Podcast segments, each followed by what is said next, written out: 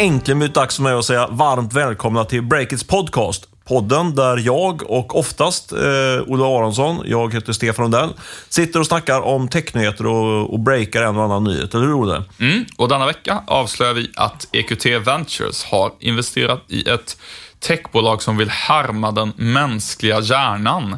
Eh, vi pratar också om hur fintechbolagen nu på allvar är på väg att bli ett hot mot storbankernas lönsamhet. Och så snackar vi om ett tänkbart, inte direkt moraliskt motdrag från bankerna. Men innan det blir det ett nyhetssvep. Mm. Eh, vi hade en spännande nyhet här igår om att göteborgaren eh, Peter Lindholm, som nu bor i London, håller på att bygga upp ett eget litet digitalt bilimperium i Afrika och Latinamerika. Affärsidén är att köpa in bilar från privatpersoner och sedan sälja vidare dem till bilhandlare eh, på den vägen är det. Eh, de har då en digital plattform som löser den här, den här resan mellan de privatpersonerna och bilhandlarna. Nu har Peter Lindholm fått in hela 190 miljoner kronor i kapital från bland annat riskkapitalbolaget Bollerton. Och eh, finansiell ID-teknik som är bolaget bakom eh, BankID, den eh, tjänsten som man i princip måste ha nu för tiden för att kunna göra saker på internet i Sverige. Det företaget stäms på över 6 miljarder kronor och det är det svenska bolaget Accumulate som står bakom den stämningen. Enligt Accumulates VD så mm, har BankID byggts med hjälp av teknik som tillhör Accumulate, kan man säga lite förenklat. Eh, och eh, företrädare för finansiell ID-teknik, alltså bolaget bakom eh, BankID, avfärdar dock anklagelserna. Vi ska prata lite mer om sådana här processer senare i podden. Det ska vi göra. Först du jag berätta att Ingvar Kamprad, grundaren av IKEA, gör nu en satsning via då sitt IKEA på startup-sektorn. Det sker genom att möjligheten startar ett acceleratorprogram i Älmhult såklart. Eh, I första läget är det tio startups som backas upp med pengar, coaching och kontorsplatser. Men det är en satsning som kan växa, säger företrädare för IKEA. Ja, jag hoppas att de tvingar folk att flytta till Älmhult också. Det känns som det blir uppfriskande och det verkligen blir en riktig startup-scen där. Mm. Uh, I en helt annan del av techindustrin, peer-to-peer-bolaget Landify, de har ju tidigare haft som affärsidé att uh, förmedla pengar kan man säga, så att privatpersoner kan låna ut till varandra, lite förenklat. Eh, nu så byter de spår och tar istället in pengar från professionella investerare, alltså att ehm, man som privatperson lånar pengar då indirekt från professionella investerare istället för från andra privatpersoner. Eh, det handlar i ett första läge om 200 miljoner kronor som eh, Landify eh, lånar via en obligation och de säger att det här strategiskiftet det beror på att det finns väldigt hög efterfrågan på lån, men det är svårare att få in pengar att låna ut via privatpersoner. I veckan har vi också berättat om serieentreprenören Mattias Axlén som nu är redo att lansera en utmanare till eh, bland annat prisjämförelsen Pricerunner. Mattias har satsat 25 miljoner kronor i egen ficka på tjänsten som har tagit ungefär fem år att bygga. Så det ska bli spännande att se om, eh, vad han kommer fram till helt enkelt. Det håller på att lanseras just nu. Vi har med oss Rackfish som huvudsponsor även denna vecka och de är ju det svenska bolaget som satsar på kvalitet inom hosting kan man väl säga. Ja, och att de är med oss som långsiktig huvudsponsor, det innebär också att Rackfish är med och indirekt finansierar Breakits kvalitetsjournalistik som ni alla kan ta del av.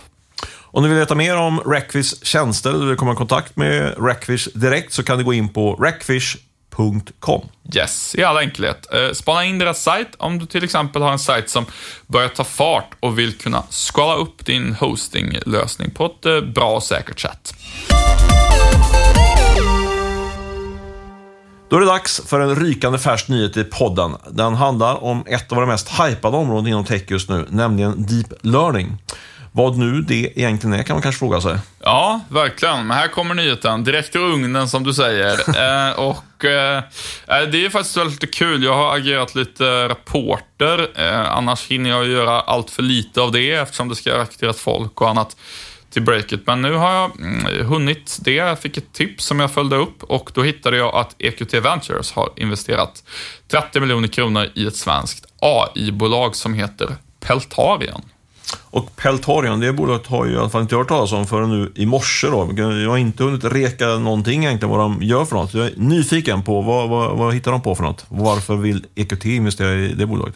Ja, det, jag hade inte heller hört talas om dem tidigare, men de har funnits i 12 år och EQT vill investera i dem eftersom de ägnar sig åt en eh, eh variant av AI som kallas för Neural Networks. Eh, deep Learning brukar man också prata om ibland.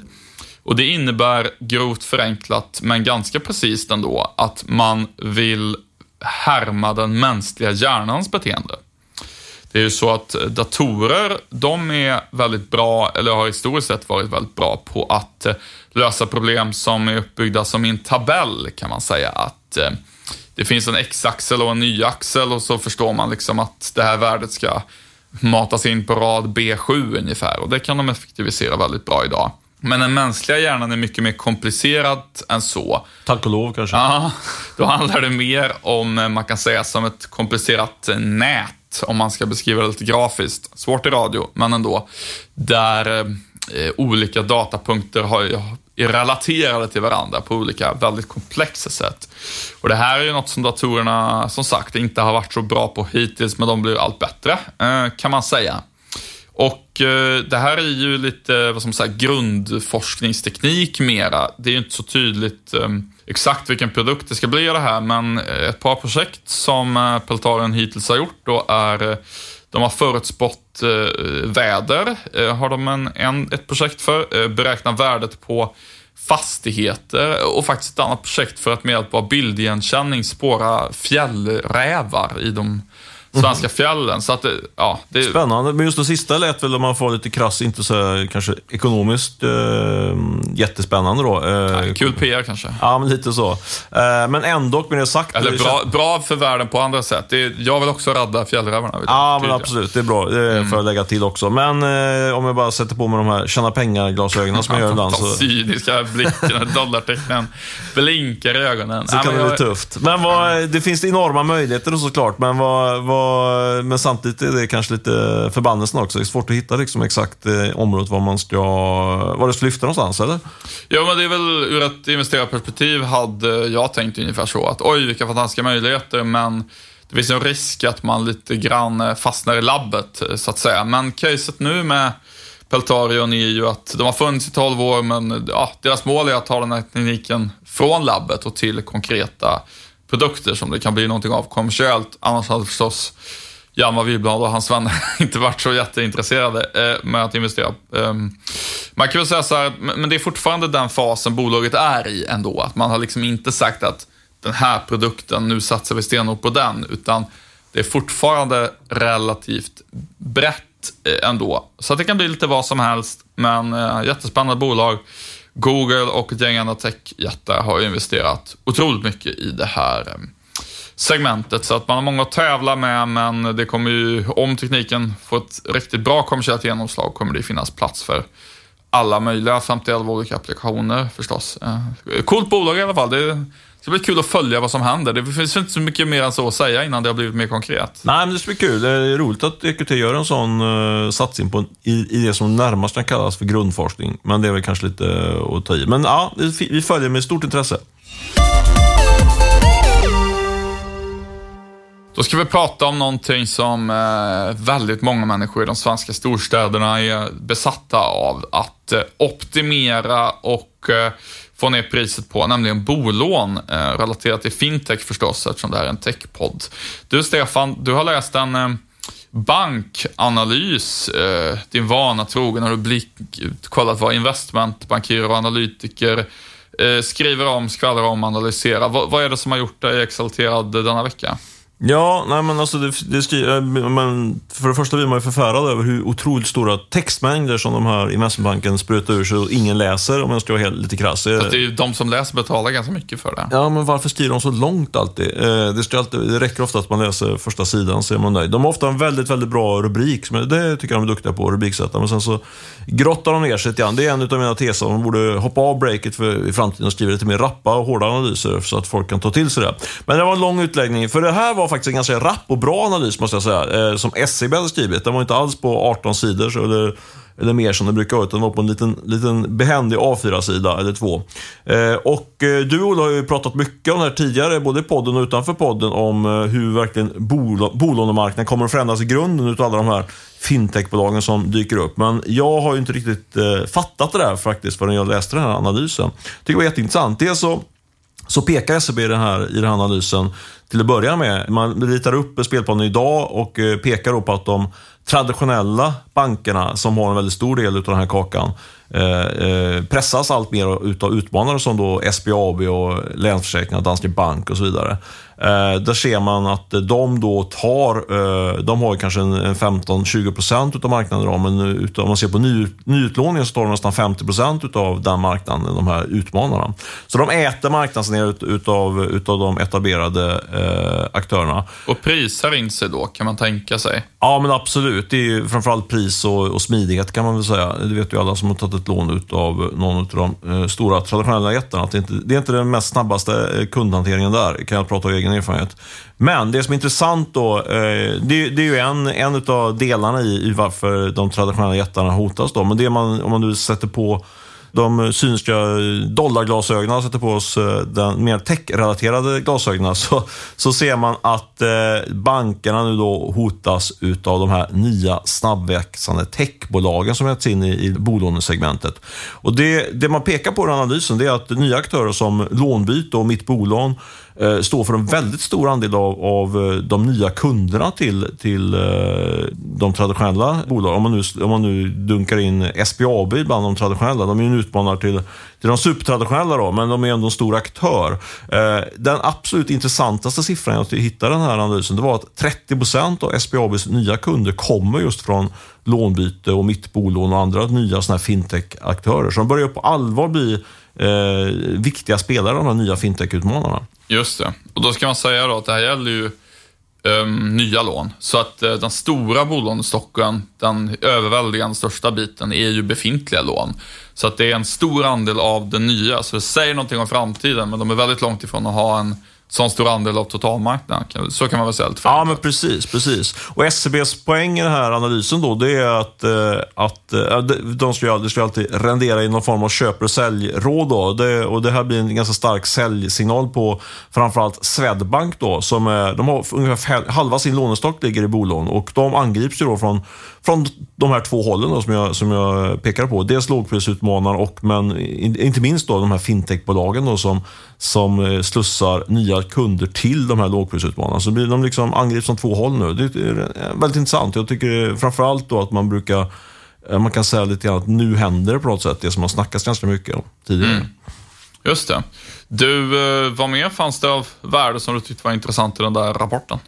Ja, eh, alltså det som var lite undangömt där i den här analysen, det var ju att eh, det är inte alla de här fintech-utmanarna som går som tåget. Eh, man droppar en, en siffra kring Tink, som är ett väldigt håsatt fintechbolag som har så avancerar här ett partnerskap ihop med SCB och SBAB i början på året. Eh, och det konstateras i den analysen baserat på, på snack då, antar jag med, med de som har koll, eh, eller in, insyn i den här verksamheten, att eh, Tinks kunder konverterar väldigt dåligt. Ganska många som, som, eh, som kommer in så att säga i, via det här partnerskapet, men sen så konverteras det inte till, till betalande kunder. Det kan ju vara en liten orosnal. Sen så kan vi ju säga att det här är early days fortfarande då. De har ja. bara kört ett par månader. Men det är ja, lite intressant att följa det där. Det, det, där, där får man ju ha den brasklappen då, att det ändå är, de, de kan ju förändra hur de gör det. De, de här mittbolån och lånbyte har ju hållit på mycket längre och skruvat på hur de ska förmedla bolån på olika sätt. Tänk att ha hållit på i vadå, två månader. Något sånt där. Så nej, det, men de, så är det. får ge dem lite tid. Vi får se hur det går. Men däremot kan man säga att lånbyte går ju som tåget. De, eh, de har nu ökat sin lånestock från ungefär 2 miljarder kronor förra året till 12 miljarder på rullande 12 månader. Så det, där är det ju riktigt bra tillväxt. Ja, men det får man, det får man verkligen säga. Och där så... Det återstår väl lite grann att se liksom, i vilken mån vissa parter blir som konkurrenter i bankerna och vilken, i vilken mån de blir lite sköna samarbetspartners. Personligen hade jag, eh, det, det beror lite grann på hur mycket det påverkar marginalen och så, men om jag var en bank och satt på väldigt mycket gammal IT-infrastruktur så skulle jag tycka det var lite skönt och också om det kom nya fintech-aktörer som man kunde mm, samarbeta med för att dra in nya kunder. Och eh, det, det, det, kan ju bli så också. Det behöver liksom inte vara något totalt nattsvart uh, scenario. Men, men det är klart, det, det blir enklare för folk att byta bolag. Ja, och samtidigt det risk också. Det är ytterligare en aktör man ska dela sina intäkter med och sådär. Så det är klart att mm. allra helst vill man att de kommer direkt till banken. Ja, men så är det ju förstås. Det är väl, det är väl absolut det optimala. Samtidigt så vill ju bankerna allt mer samarbeta med fintechbolag och köpa in sig i dem och jag har en liten eh, brasklapp kring det, mm. kan man säga. Eh, Låt så, höra. Ja, eh, och till att börja med, det här är ju liksom ingen eh, anklagelse till alla som jobbar på bank, att de skulle vara några onda människor eller någonting sånt där, utan det handlar Skönt att du ansvarar utgivare om det kommer en sån ut. Nej, men det, det handlar då mer om hur, hur marknadsekonomin fungerar egentligen. Och um, mer generellt sett. Och det handlar väl om hur, jag tror att uh, alla möjliga storbolag, Apple och allt möjligt kan agera på det här sättet. Så att med den brasklappen i brasklappen ska jag berätta vad det handlar om. Uh, jag träffade en investerare med erfarenhet från finansbranschen i förra veckan. Och han menade att fintechbolagen ska komma ihåg Håkan Lantz. Håkan Landström, det är han som... Eh, Den kände svenska uppfinnaren bakom eh, massa M olika tekniker, bland annat färgskärm till datorn och så. Och musen också, tror jag. Ja, eh, mm. precis. Och det där är ju omdebatterat. Och jag har träffat Håkan Lantz ute i hans eh, villa i Saltsjöbaden. I, I, hans, eh, inte i hans, men bredvid hans swimmingpool som har fylld massa saker. Det var ett intressant möte måste jag säga. Mm. Ja, coolt. Det...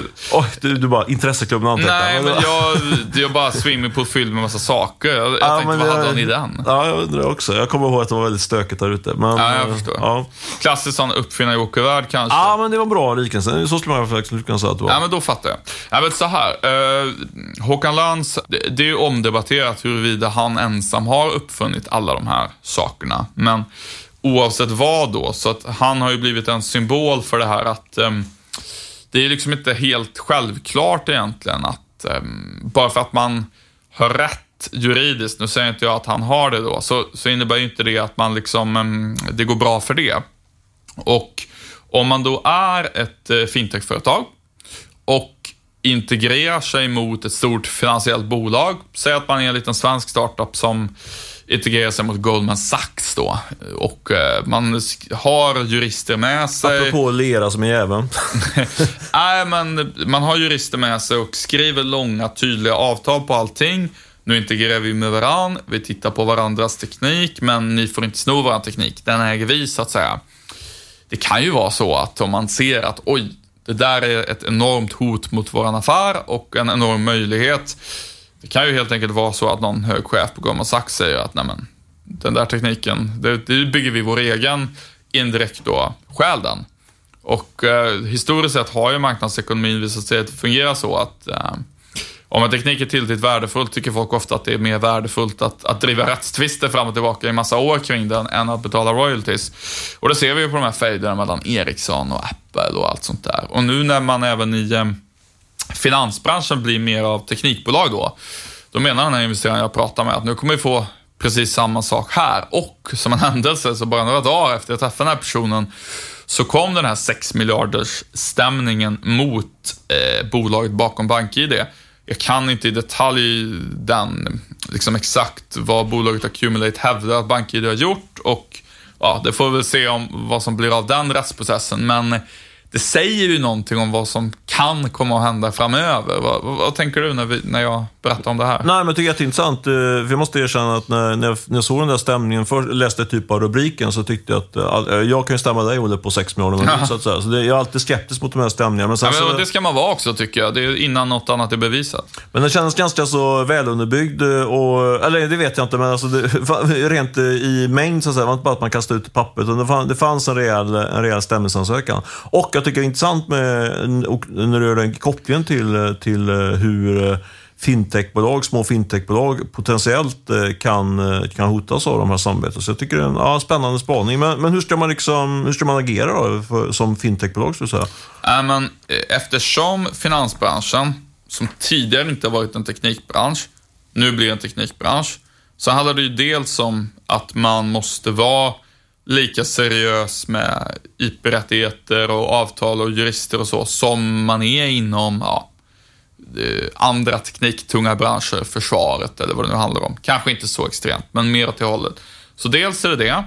Men sen så, eh, om man ska gå på rådet från den här investeraren jag träffade, det var i princip att bli inte beroende av externa aktörer. Alltså om ni är en liten svensk startup, eh, signa inte ett avtal där ni är beroende av Barclays eller Goldman Sachs och så för att kunna bedriva er, er verksamhet. För att eh, då, visst det kan vara, kännas jättebra och man gör den här integrationen och tjänsten funkar och allt går kanon, men trots allt så är du en väldigt liten spelare som inte har så mycket att säga till om och eh, om det blir en lång rättstvist så kan ju ditt bolag gå i konkurs som en konsekvens av den, medan oavsett vem som får rätt i slutändan så kommer ju eh, Goldman Sachs alltid finnas kvar. Mm. Typ så.